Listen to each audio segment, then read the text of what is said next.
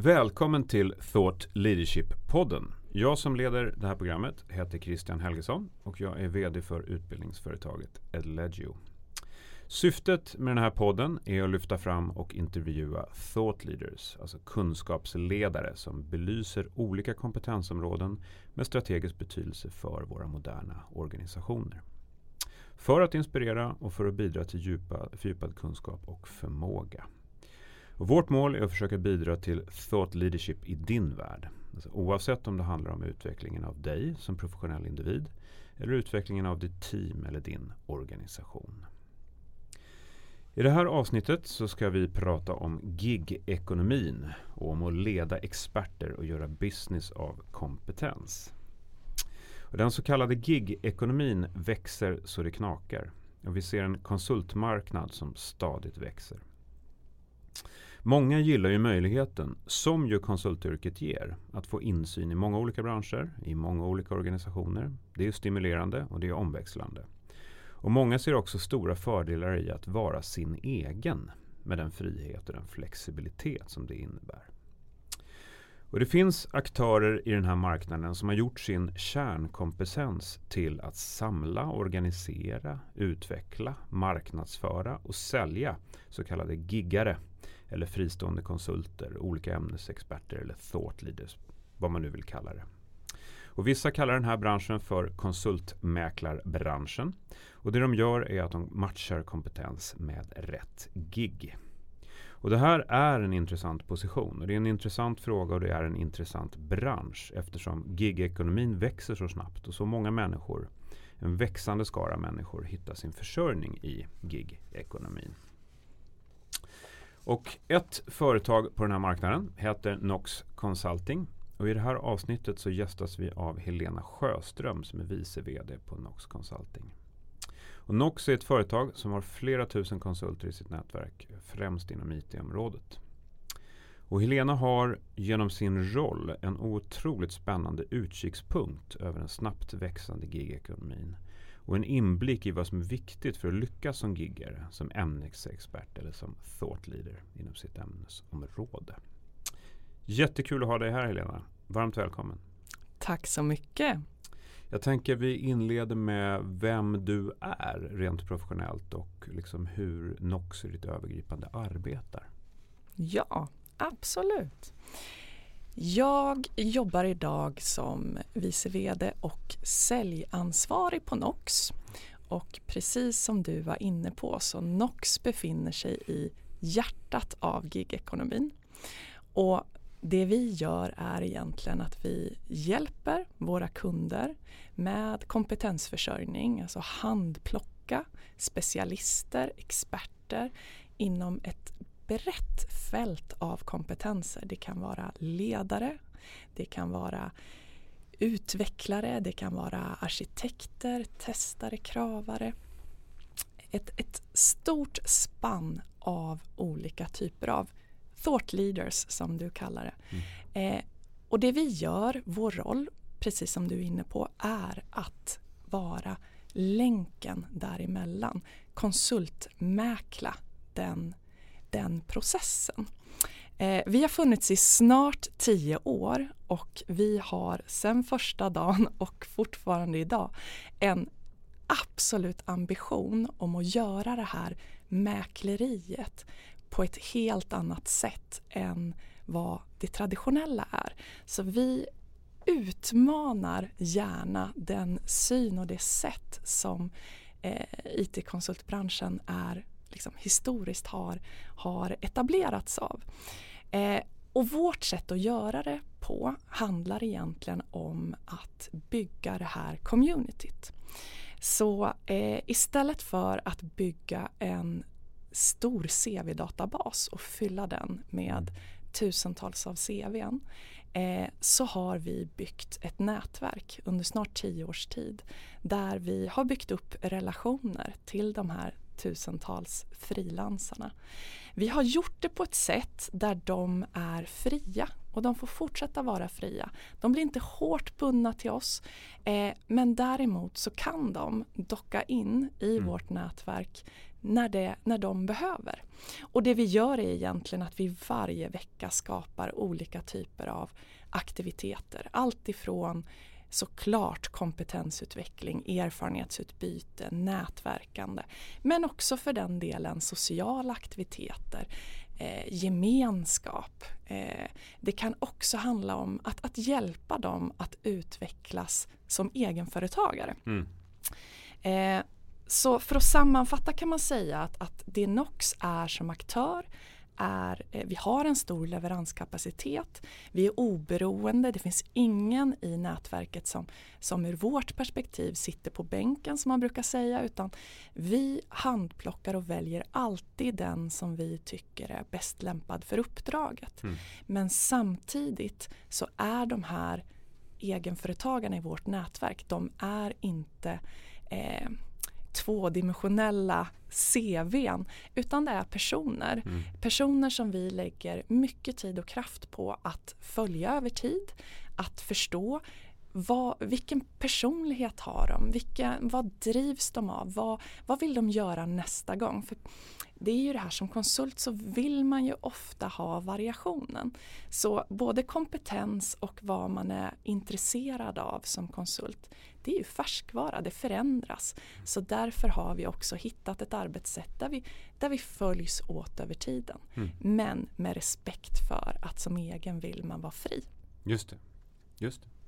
Nu, det är ju en särskild logik i att leda experter. Skulle man kunna säga. Eller att leda thought leaders som vi skulle vilja kalla det då. Alltså, det är ganska speciellt. Det innebär ganska särskilda utmaningar. Alltså experter är ofta mer kunniga, mer kompetenta. Åtminstone om man tänker på det liksom, expertområde som de sitter på så att säga. Eh, och det är ofta personer med en otroligt stark drivkraft. Man har höga ideal, man har stor pondus, eh, höga krav och så vidare. Vilka särskilda utmaningar ser du i att leda experter? Jag tycker det är en väldigt, väldigt bra fråga. Och jag kan säga jag har varit eh, på NOX i fem år. Eh, dessförinnan så har jag själv kört eget. Jag har drivit konsultbolag och jag har också varit anställd i stort konsultbolag. Eh, och jag måste säga, jag blev chef tidigt i, min, i, min, eh, yrkes, eh, i mitt yrkesliv. Och eh, jag har coachat i ledarskap, jag har coachat andra chefer, jag har byggt ledarskapsprogram. Men när jag började på NOX och klev in i det här sammanhanget där eh, då, jag är inte chef över dem, de är sina egna chefer. Mm. Så för mig så trillade en polett ner ganska tidigt att det handlar inte om ledarskap, handlar inte om eh, vilket anställnings, vilken anställningsrelation du och jag har. Utan eh, om det finns ett förtroende oss emellan eh, och här då för att svara på frågan vad, vad, är det som behövs när man möter de här enormt duktiga individerna. Så jag tror att det är respekt och lyhördhet som är någon form av grund såklart. Som är någon form av liksom plattform att bygga den här, eh, det här förtroendet på. Men sen så tror jag att det handlar om att såklart att jag, vi, NOX ska vara relevanta i det vi gör tillbaks till den här mm. thought leadern, till den här experten. Att, att vi är duktiga på det vi gör men samtidigt bemöter den här individen med ett genuint intresse, med en lyhördhet och med en respekt. Eh, min erfarenhet att människor med liksom höga krav på sig själv, man har också höga krav på andra. Man förväntar sig att, att mm. såklart eh, och det tror jag är en, en, en, en lärdom också det här genom mina år. Det är att ingen människa, men absolut inte de här som vi pratar om nu, de här thought leadersna. Man vill inte bli reducerad ner till sitt CV. Mm. Man vill bli sedd för alla de nyanser och alla de liksom, förmågorna som man har. Mm. Så att det där att det enkla i att möta personen det tror jag är en, liksom, mm. en nyckel. Och vara med och stötta deras Definitivt. Deras, så att de blir det bästa de kan bli. Definitivt. Mm. Och som sagt, jag tror det. Att, att vi kan bidra till varandra oavsett egentligen anställningsform eller så här, när det finns en relation och när det finns ett förtroende då kan vi bidra till varandra och vi kan hjälpa varandra att utveckla. Och det där upplever jag att jag gör, får möjligheten att göra varje vecka. Mm. Att konsulter de här egenföretagarna hör av sig och de vill bolla saker. De kanske sitter på ett uppdrag och eh, driver något tufft förändringsprojekt och, och stångas lite där och då. Och då kan de höra av sig och så kan man liksom ta ett snack och bara lyssna, vrida lite, ställa lite frågor. Det kan också handla om, om eh, egenföretagare som kanske just nu i den här situationen med den här marknaden eh, har blivit av med sina uppdrag och de behöver lite stöd och, och, och tips på just den här marknadsförings-säljprocessen. Mm. För även om du är expert du är världens duktigaste eller Stockholms bästa React-utvecklare eller du är oerhört kompetent eh, eh, infrastrukturspecialist eller vad du än har för liksom, expertis mm. så kanske du inte är supertränad och van i fasen ska jag skriva mitt, min konsultprofil eller hur, hur mm. beskriver jag vad jag kan och, och, vem jag är på ett bra sätt. Så det kan mm. vara frågor där vi kan bidra. Och där hakar jag på lite grann för att du, eh, du pratar om att eh, det händer att de blir av med sitt uppdrag, de behöver hitta nya och så vidare. Och, och där är också en, eh, i konsultrollen, eller i expertrollen så ligger ju en ständig kompetensutveckling som liksom en löpande process genom ens karriär. Det måste du ju göra. Och, och eh, hur ser ni på kontinuerlig kompetensutveckling? Hur håller man sig ständigt liksom uppdaterad och, och relevant som expert? Hur ska man tänka där? Jag tror att det här är den, en av de absolut viktigaste så här, HR, people and culture frågor som vi kommer ha framöver. För den enskilda giggaren så tycker jag att det här är eh, för de allra, allra flesta en absolut självklarhet. Det är så oerhört konkret att när du är din egen så det du kan idag, det du gör idag det är det som skapar möjligheter för vad du kan göra imorgon.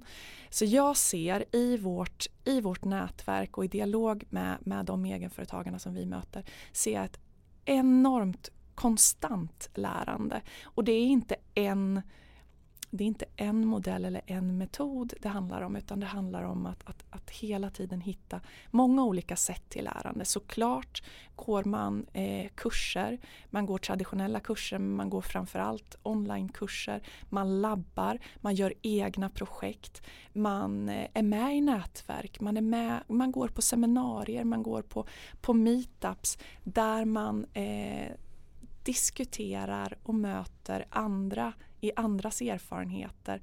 Eh, så jag skulle säga att, att ett, det är helt avgörande om du är giggare. Men det är faktiskt också helt avgörande för oss alla. Mm. På den arbetsmarknad vi har idag och den arbetsmarknad som, som kommer oss till mötes så är vår förmåga att lära den är eh, det kommer vara en superkraft. Mm. Jag brukar tänka på att vi, vi, är, liksom, vi är superduktiga på att, att strukturera vår liksom, konditionsträning eller vår styrketräning. Vi spenderar rätt mycket tid på att tänka på vad vi pillar i oss för, för mat och vi börjar äta chiafrön och vi, vi eh, äter mindre kolhydrater och så vidare och så vidare. Men faktum är att vår hjärna, vårt minne, vår förmåga att tänka nya tankar det är en precis lika viktig, om inte ännu viktigare, mm. muskel att mm. komma ihåg. Eh, och, och det, här, det här kommer vara avgörande. Och det spelar en oerhört viktig roll. Om man är giggare så har man ju ingen, kanske inte en, en, en tydlig fast anställning då, utan man är ganska själv eh, i, sin, i, sin, eh, i, i, i, sitt, i sitt sammanhang så att säga. Där kan det spela en roll kring kring kompetensutveckling och att, att liksom löpande stötta i det. Mm. Och vi ser ju en otroligt, alltså många megatrender idag men digitaliseringen är ju en otroligt liksom, tydlig trend där det händer väldigt, väldigt mycket och det som var sant igår är inte nödvändigtvis sant imorgon. Och där gäller det att hänga med, inte minst som ämnesexpert.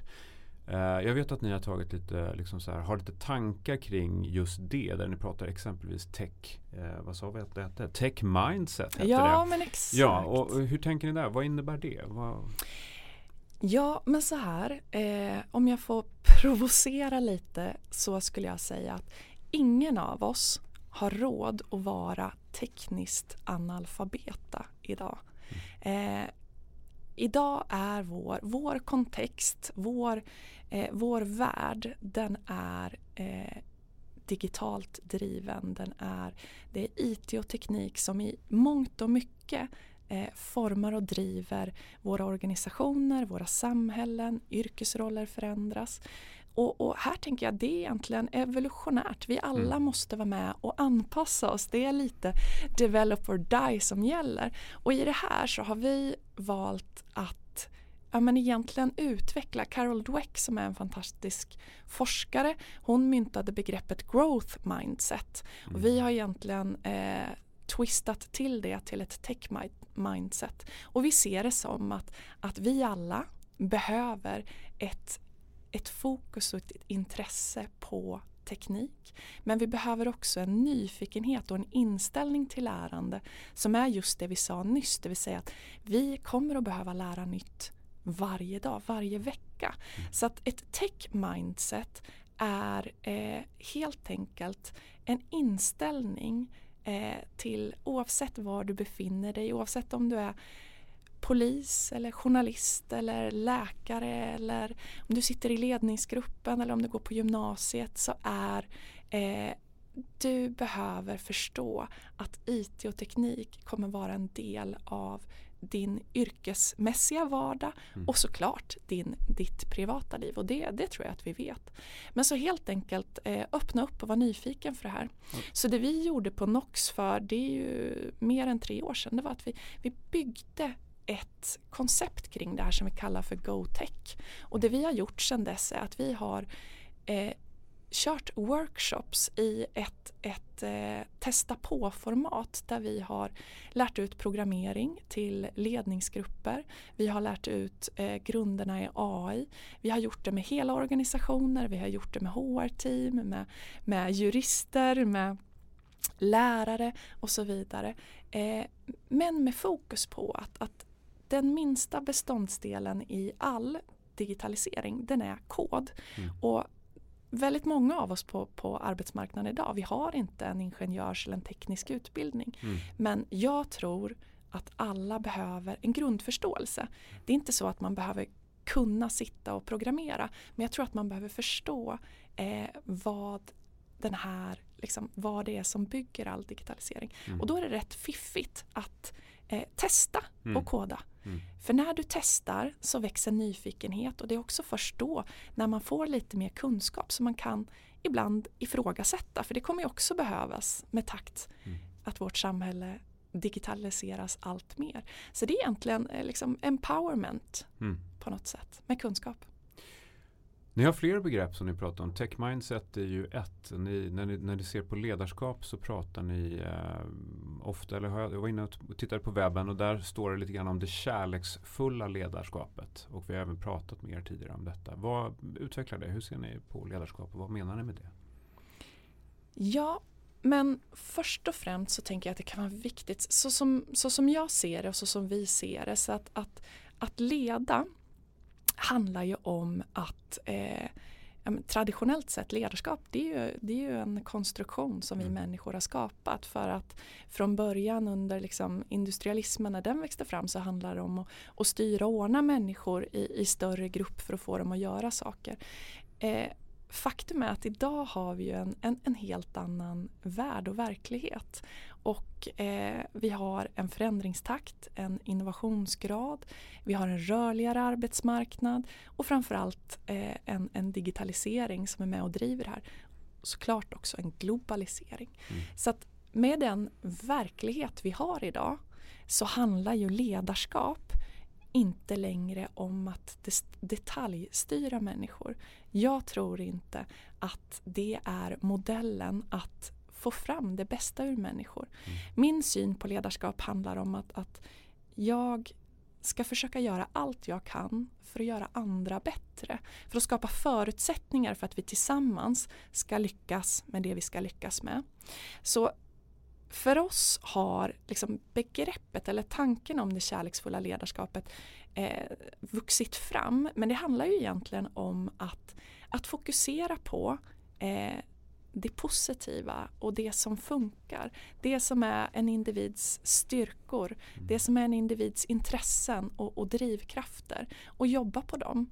Eh, men också såklart så handlar det om, det, det är ingen sn, liksom dumsnällhet vi pratar om.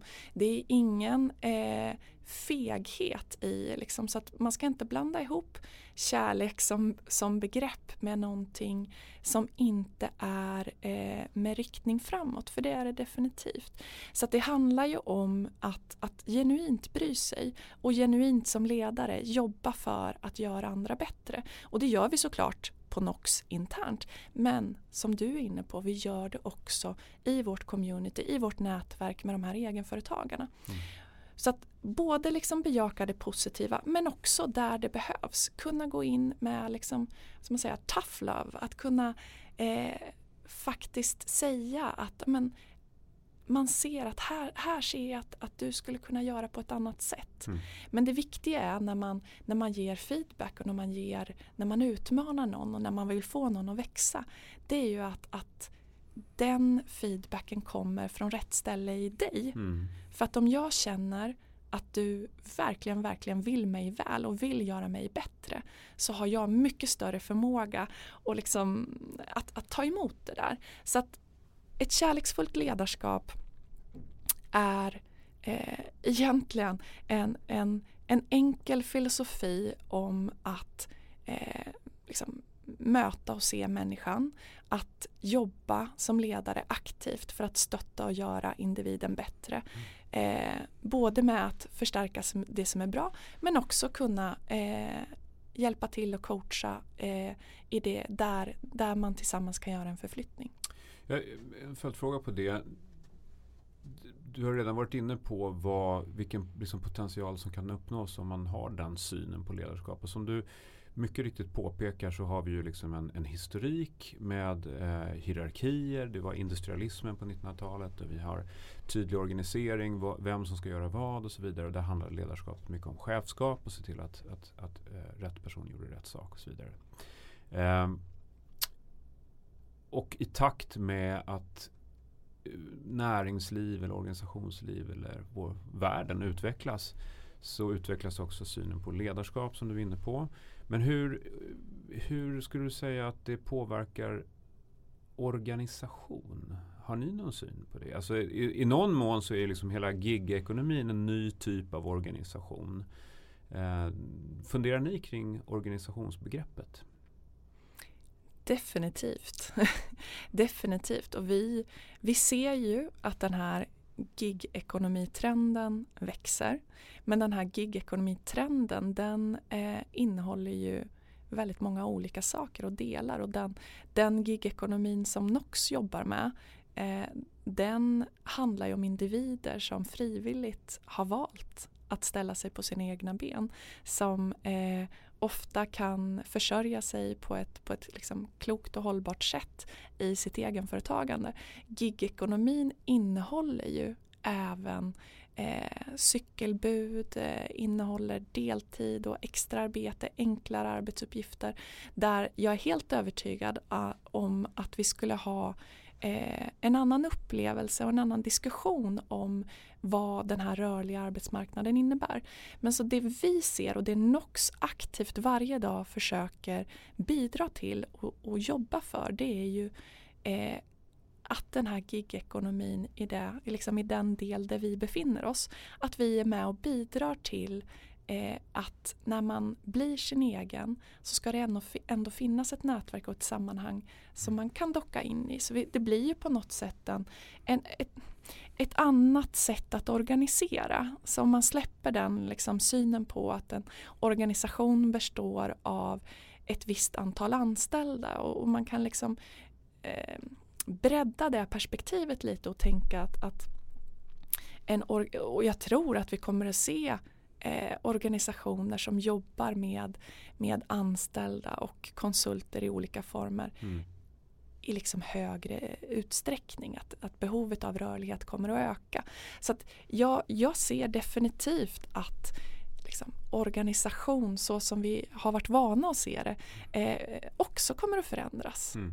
Definitivt. Men, du som har ett, eller du och ni som har ett helikopterperspektiv på den här gigekonomin. Men ni ser också, ni, era experter och konsulter som ni har i ett nätverk sitter ju på x antal olika bolag ute i, i eller organisationer ute i, i näringslivet och, och i, i, samhället.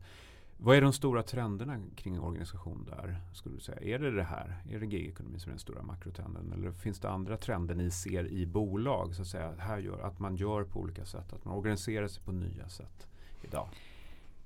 Ja, men jag tycker det här, här blir det ju liksom svårt att inte nämna den situation vi är mitt uppe i nu. Liksom mm. Vi är eh, mitt uppe i en pandemi, pandemi och bara det här hur vi fysiskt organiserar oss. Att vi idag inte längre befinner oss på våra kontor. Det där är ju någonting mm. som, som jag tycker i alla fall präglar det här året eh, liksom enormt mycket och jag inser och märker redan nu att eh, när, när vaccin och, och liksom vaccinet är här, pandemin har, går in, liksom försvinner så kommer vi ändå att ha en annan arbetsmarknad där vi organiserar oss på andra sätt. Vi kommer inte längre vara, tror jag, eh, på ett kontor fem dagar i veckan. Mm. Eh, och det där, liksom, vad, vad det fysiska kontoret är och blir kommer att förändras när vi som jobbar tillsammans i en organisation. När vi ses och vad vi gör när vi ses, mm. det tror jag kommer att förändras. Mm. Jag tror att eh, min devis är ju att det är kultur och ledarskap som är liksom det som driver ett bolag. Det är där det du har... Shit, liksom. Ja, det är där du ska, det är där du lägger din, det är där du ska lägga din, ditt fokus tycker jag. Mm. Men, men jag tror att, att såklart ledarskapen och kulturen utmanas och behöver hitta nya sätt i, i, med förutsättningar där vi inte längre fysiskt är på plats mm. åtta timmar om dagen ihop. Om man går in på, byter ämne lite grann, går in på um, individen, den här expertindividen. Alltså ni på Nox, ni är ju experter på, som jag var inne på inledningsvis, att, att liksom identifiera, samla, organisera, utveckla, marknadsföra och faktiskt sälja kompetens eller experter. Ni är som vi konstaterade någon gång thought leaders på att på att, eller ni är thought leaders inom thought leadership-branschen skulle mm. man kunna säga. Mm. Men vad letar ni efter? Alltså hur ska profilen på en ämnesexpert eller eh, konsult se ut för att ni ska bli nyfikna och intresserade?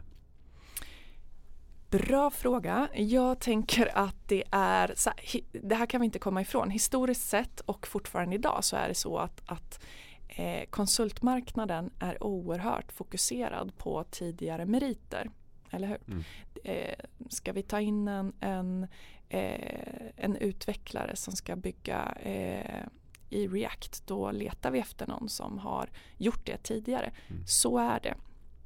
Men det jag ser eh, och det vi ser eh, sakta, sakta eh, en förändring kring är att, att vi börjar idag prata mer och mer om förmågor och kapacitet. Mm. För vi kommer inte alltid, vi kommer att möta problem och utmaningar som vi som, som bolag ska ta oss an som inte är genomförda tidigare och då blir det inte längre relevant att krampaktigt hålla kvar i det här behovet av att, att eh, någon ska ha gjort exakt samma sak. Utan då blir det, och här skulle jag säga liksom det vi det vi tittar på utöver liksom expertis, alltså expertkompetens, det är ju de här förmågorna som, som jag tror man brukar kalla lite fint och fluffigt för future skills. Mm. Alltså det som är förmågor som vi alla behöver träna sig. Och det är ju problemlösningsförmåga.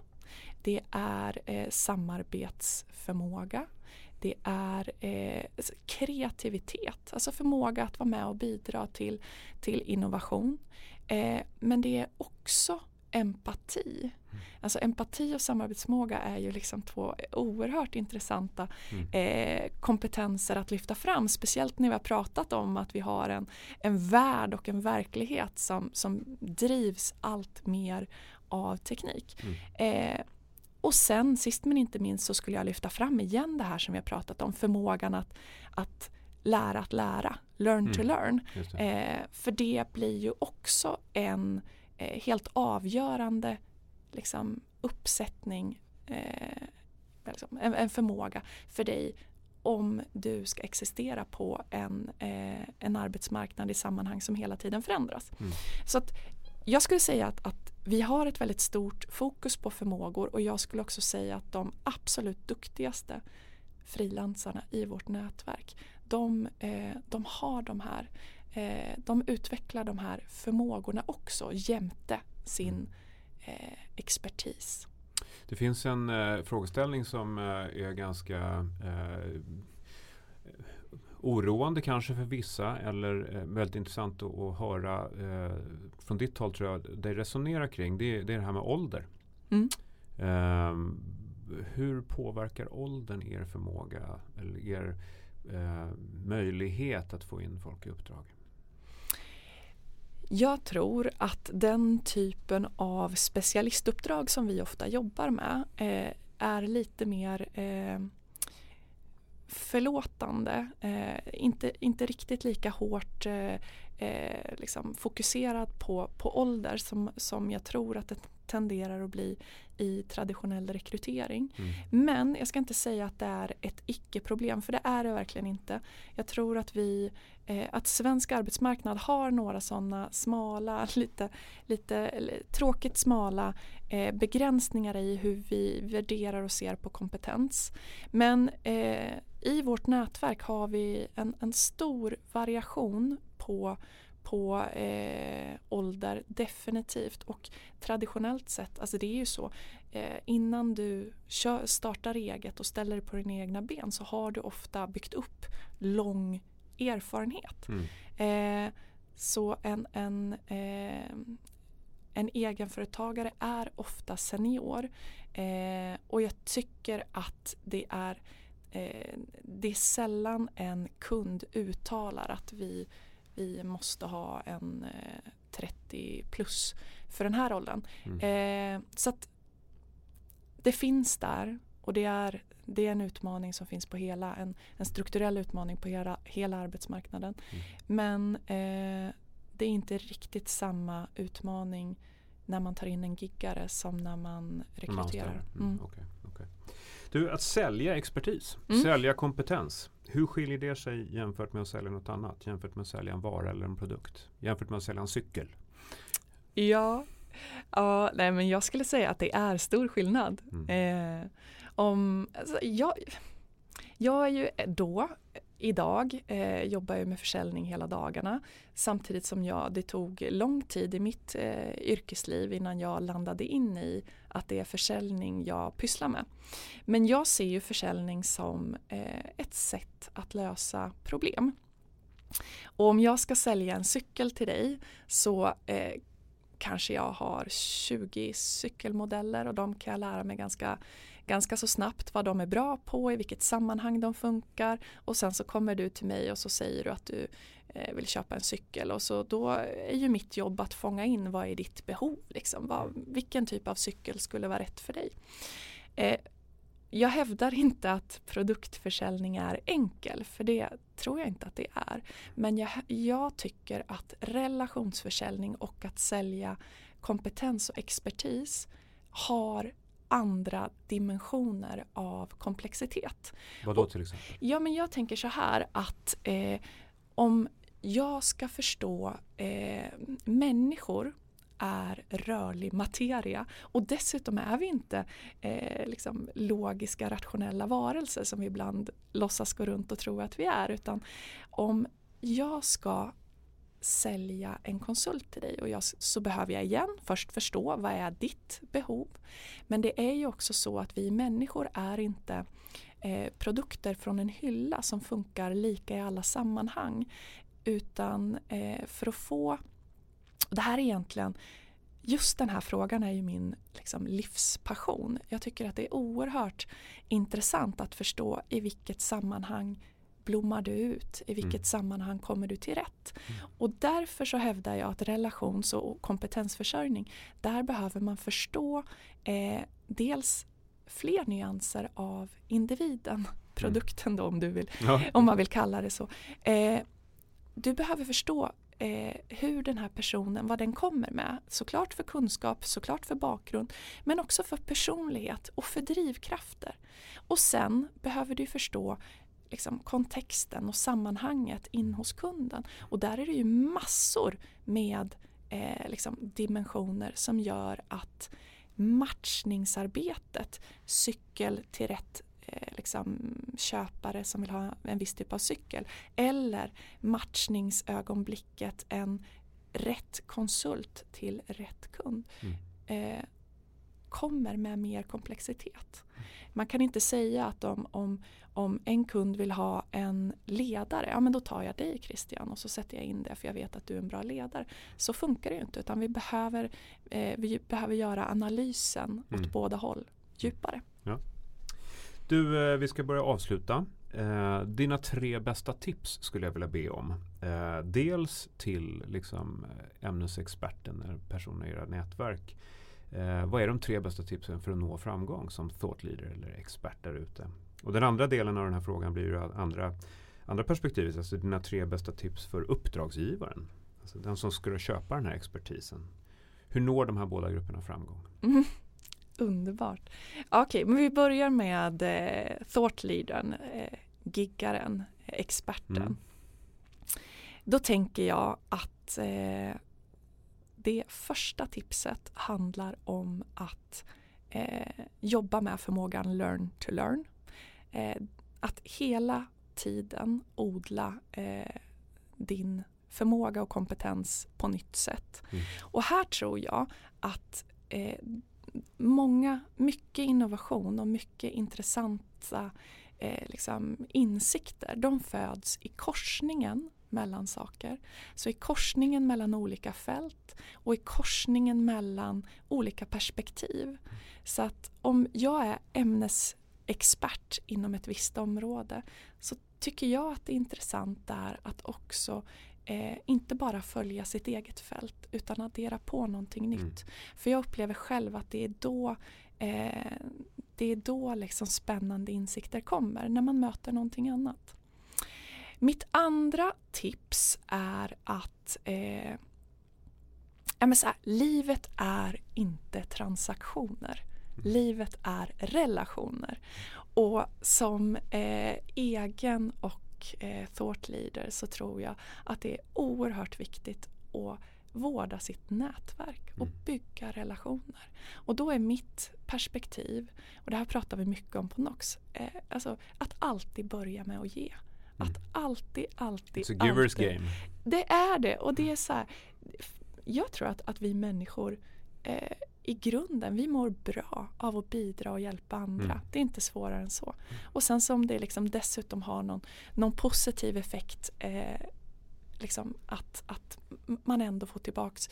Det där, det där löser sig men det är ingen transaktion Mm. utan ha pers perspektivet att ge.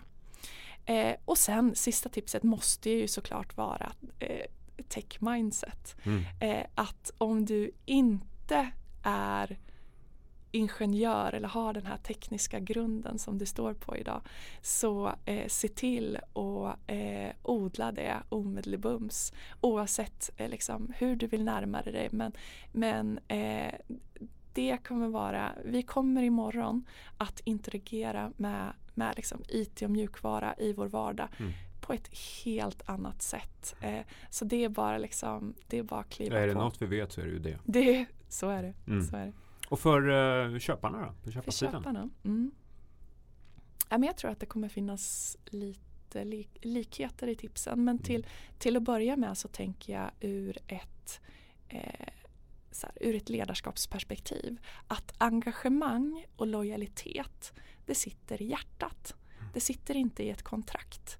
Och det tycker jag är viktigt att komma ihåg. Att om du investerar i, och liksom, om du investerar i en relation, i en individ på riktigt med ett intresse Mm. så får du stordåd tillbaka. Mm.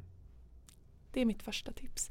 Mitt andra tips är att eh, fokusera på att bygga en miljö och en kultur där eh, det finns både liksom dimensionen av frihet och dimensionen av trygghet.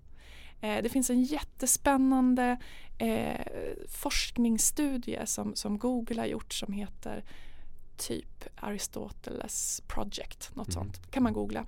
Mm. Eh, de tittar på, på 200 team och tittar på vad är det som gör att vissa team mm. lyckas bra.